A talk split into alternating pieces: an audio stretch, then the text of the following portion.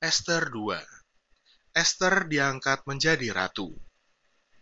Sesudah peristiwa-peristiwa ini, setelah kepanasan murka Raja Ahasiweros surut, terkenanglah Baginda kepada Wasti dan yang dilakukannya, dan kepada apa yang diputuskan atasnya.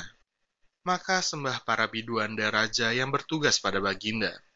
Hendaklah orang mencari bagi raja gadis-gadis, yaitu anak-anak dara yang elok rupanya hendaklah raja menempatkan kuasa-kuasa di segenap daerah kerajaannya, supaya mereka mengumpulkan semua gadis, anak-anak darah yang elok rupanya di dalam benteng Susan, di balai perempuan, di bawah pengawasan Hegai, sida-sida raja, penjaga para perempuan. Hendaklah diberikan wangi-wangian kepada mereka. Dan gadis yang terbaik pada pemandangan raja, baiklah dia menjadi ratu ganti wasti Hal itu dipandang baik oleh raja, dan dilakukanlah demikian. Pada waktu itu, ada di dalam benteng Susan seorang Yahudi yang bernama Mordekai bin Yair bin Simei bin Kis, seorang penyamin, yang diangkut dari Yerusalem sebagai salah seorang buangan yang turut dengan Yekonya, Raja Yehuda, ketika ia diangkut ke dalam pembuangan oleh Raja Nebukadnezar, Raja Babel.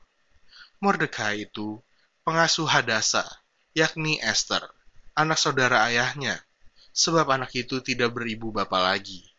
Gadis itu elok perawakannya dan cantik parasnya. Ketika ibu bapaknya mati, ia diangkat sebagai anak oleh Mordekai.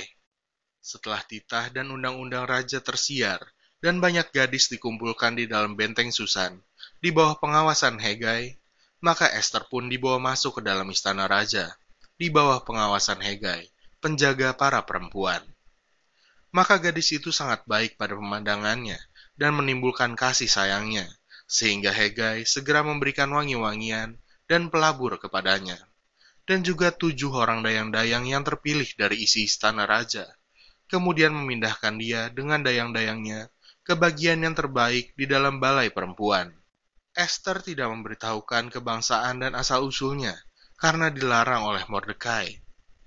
Tiap-tiap hari berjalan-jalanlah Mordekai di depan pelataran balai perempuan itu untuk mengetahui bagaimana keadaan Esther dan apa yang akan berlaku atasnya. Tiap-tiap kali seorang gadis mendapat giliran untuk masuk menghadap Raja Ahasiweros, dan sebelumnya ia dirawat menurut peraturan bagi para perempuan selama 12 bulan, sebab seluruh waktu itu digunakan untuk pemakaian wangi-wangian enam bulan untuk memakai minyak mur, dan enam bulan lagi untuk memakai minyak kasai, serta lain-lain wangi-wangian perempuan. Lalu gadis itu masuk menghadap raja, dan segala apa yang dimintanya harus diberikan kepadanya untuk dibawa masuk dari balai perempuan ke dalam istana raja. Pada waktu petang, ia masuk, dan pada waktu pagi, ia kembali. Tetapi sekali ini ke dalam balai perempuan yang kedua, di bawah pengawasan Saasgas, sida-sida raja, penjaga para gundik. Ia tidak diperkenankan masuk lagi menghadap raja, kecuali jikalau raja berkenan kepadanya dan ia dipanggil dengan disebutkan namanya.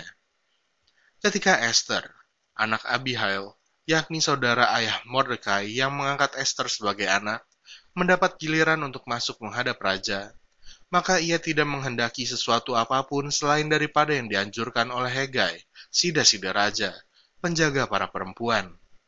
Maka Esther dapat menimbulkan kasih sayang pada semua orang yang melihat dia. Demikianlah Esther dibawa masuk menghadap Raja Ahasiweros ke dalam istananya pada bulan yang ke-10, yakni bulan Tebet. Pada tahun yang ketujuh, dalam pemerintahan Baginda. Maka Esther dikasihi oleh Baginda lebih daripada semua perempuan lain, dan ia beroleh sayang dan kasih Baginda lebih daripada semua anak darah lain, sehingga Baginda mengenakan mahkota kerajaan ke atas kepalanya dan mengangkat dia menjadi ratu ganti wasti.